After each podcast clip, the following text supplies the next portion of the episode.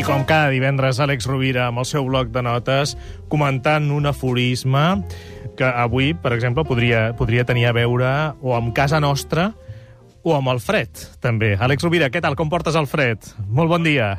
Molt bon dia, Gaspar. Bé, el fred es porta amb, amb, amb alegria, no? Perquè també jo crec que ens, que ens hem acostumat a... o sovint sents no, que, que ens queixem del fred quan toca que faci fred. Doncs, per tant, si estem hivern ha de fer fred i és qüestió de tapar-se o de- o d'escalfar-se fent esport o posant-se davant de la llar de foc. Però a mi el fred m'agrada. M'agrada més el fred que no sigui intens que no aquella calor que et deixa absolutament absolutament xafat. I més si és hivern, doncs gaudim del fred una miqueta també. Quin aforisme tens avui en el teu bloc?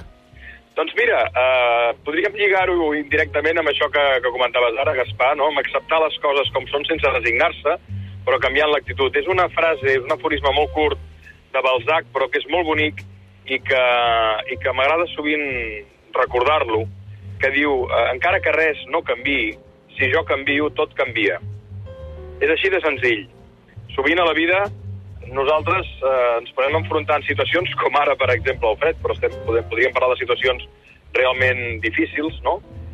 Que, que ens pot costar molt de canviar d'entrada, que potser ens demanen ser pacients, que ens ens demana un esforç, un esforç de voluntat sostingut en el temps. I per tant, el que, si no podem canviar la situació, l'única opció que tenim, l'opció més lúcida, és veure què podem fer nosaltres per canviar, no? Si res no canvia, jo canvio, tot canvia. Per què tot canvia? Perquè la realitat la deixo de veure de la manera en la que la veia, perquè la meva postura existencial davant de mi mateix, de l'altre i de la vida és diferent. I aleshores, més que canvi, podríem parlar de transformació, perquè probablement allà on no veiem una solució comencem a percebre una alternativa. Allà on no veiem esperança comencem a percebre que potser li podem trobar un sentit diferent a l'experiència.